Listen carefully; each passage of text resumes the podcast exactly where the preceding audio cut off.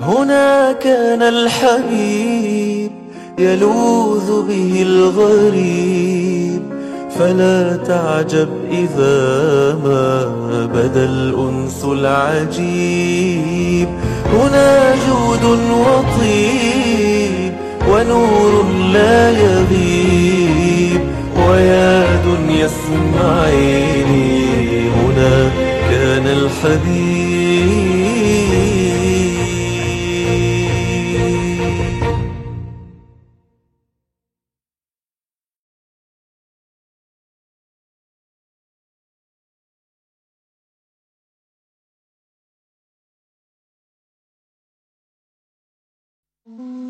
أريس بئر الخاتم الضائع والماء العذب شهدت بشارة الجنة فما مصيرها الآن؟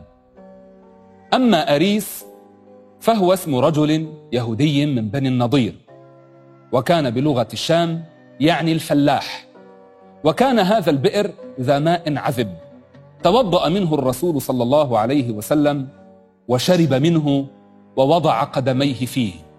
فما قصة هذا البئر؟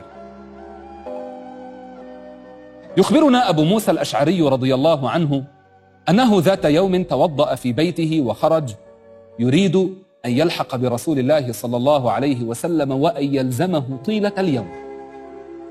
ذهب أبو موسى الأشعري وهو من صحابة رسول الله العلماء الأجلاء وكان صوته جميلا عندما يقرأ القرآن. فقال فيه النبي عليه الصلاة والسلام لقد أوتي مزمارا من مزامير آل داود وذلك لأن نبي الله داود كان إذا قرأ الزبور حفت به الطيور وعاكفت حوله الوحوش تستمع لقراءته من جمال صوته. ذهب أبو موسى الأشعري إلى ذلك البئر فوجد رسول الله صلى الله عليه وسلم وحده هناك. وضع النبي قدميه في ذلك البئر. قال أبو موسى الأشعري أكون بوابا للنبي عليه الصلاة والسلام في هذا اليوم مع أن النبي عليه الصلاة والسلام لم يطلب بوابا وكما تلاحظون ذهب الرسول صلى الله عليه وسلم وحده وكان قاعدا وحده. اتخذ نفسه بوابا للنبي عليه الصلاة والسلام وكان باب ذلك الموضع من الجريد. ثم بعد ذلك جاء أبو بكر فاستأذن أي طلب الإذن في الدخول. قال أبو موسى من؟ فقال أبو بكر فذهب أبو موسى الأشعري يستأذن له رسول الله صلى الله عليه وسلم. فقال عليه الصلاة والسلام إذن له وبشره بالجنة. دخل أبو بكر وأنزل قدميه في البئر قرب رسول الله صلى الله عليه وسلم. ثم جاء عمر بن الخطاب قال أبو موسى الأشعري من؟ فقال عمر بن الخطاب. فاستأذن رسول الله صلى الله عليه وسلم فقال له عليه الصلاة والسلام إذن له وبشره بالجنة. فدخل عمر بن الخطاب رضي الله عنه ووضع قدميه مع صاحبيه رسول الله صلى الله عليه وسلم وأبي بكر. وبعد ذلك جاء رجل استأذن في الدخول. فقال له النبي عليه الصلاة والسلام إذن له وبشره بالجنة مع بلوى تصيبه. كان هذا الرجل عثمان بن عفان. أذن له رسول الله صلى الله عليه وسلم فدخل. لكن لم يجد مكانا للقعود قرب أبي بكر وعمر ورسول الله صلى الله عليه وسلم في البير فقعد قبالتهم. فقعد عثمان بن عفان قبالة رسول الله صلى الله عليه وسلم يعني يواجهه. قال سعيد بن المسيب أو المسيب وهو راوي الحديث فأولتها قبورهم. يعني إذا دققتم أحبابي فإن النبي عليه الصلاة والسلام قد دفن بقربه أبو بكر ودفن بقرب أبي بكر عمر. وأما عثمان بن عفان فدفن في البقيع والبقيع هي في قبالة المسجد النبوي الشريف.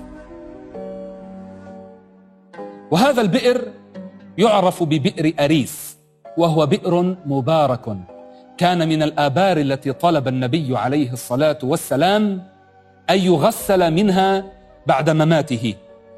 وهذا البئر يسمى بئر الخاتم. وذلك لأن النبي عليه الصلاة والسلام كان له خاتم كتب فيه محمد رسول الله وكان يختم به رسول الله صلى الله عليه وسلم الرسائل إذا أراد إرسالها إلى الملوك. وكان هذا الخاتم في يد النبي عليه الصلاة والسلام وبعده في يد أبي بكر وبعده في يد عمر وبعده في يد عثمان بن عفان. كان عثمان بن عفان ذات يوم قاعدا في هذا البئر كما كان يقعد أيام حبيبه نبي الله محمد عليه الصلاة والسلام وكان يلعب بهذا الخاتم. فوقع الخاتم من يده.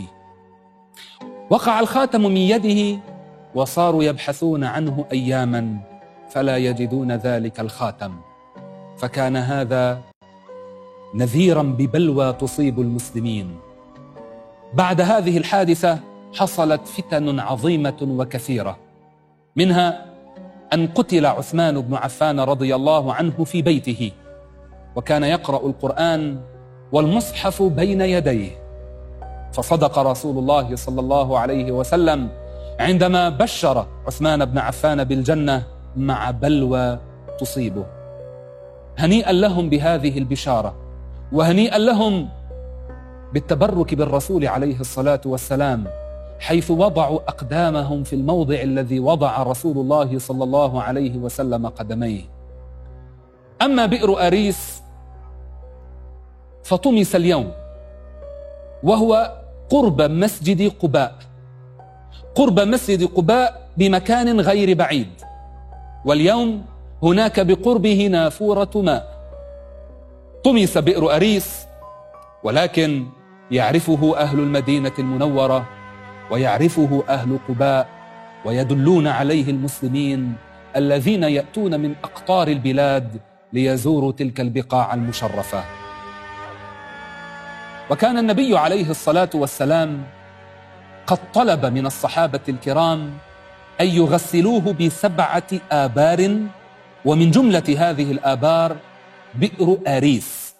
وكان النبي عليه الصلاة والسلام له اعتناء بآبار المدينة المشرفة. فكان الصحابة يشربون من تلك الآبار في حياة رسول الله صلى الله عليه وسلم وبعد مماته ويستشفون بها ولا يزال على ذلك المسلمون إلى يومنا هذا. نسأل الله تبارك وتعالى البركة من رسول الله صلى الله عليه وسلم وزيارة البقاع التي حل فيها رسول الله.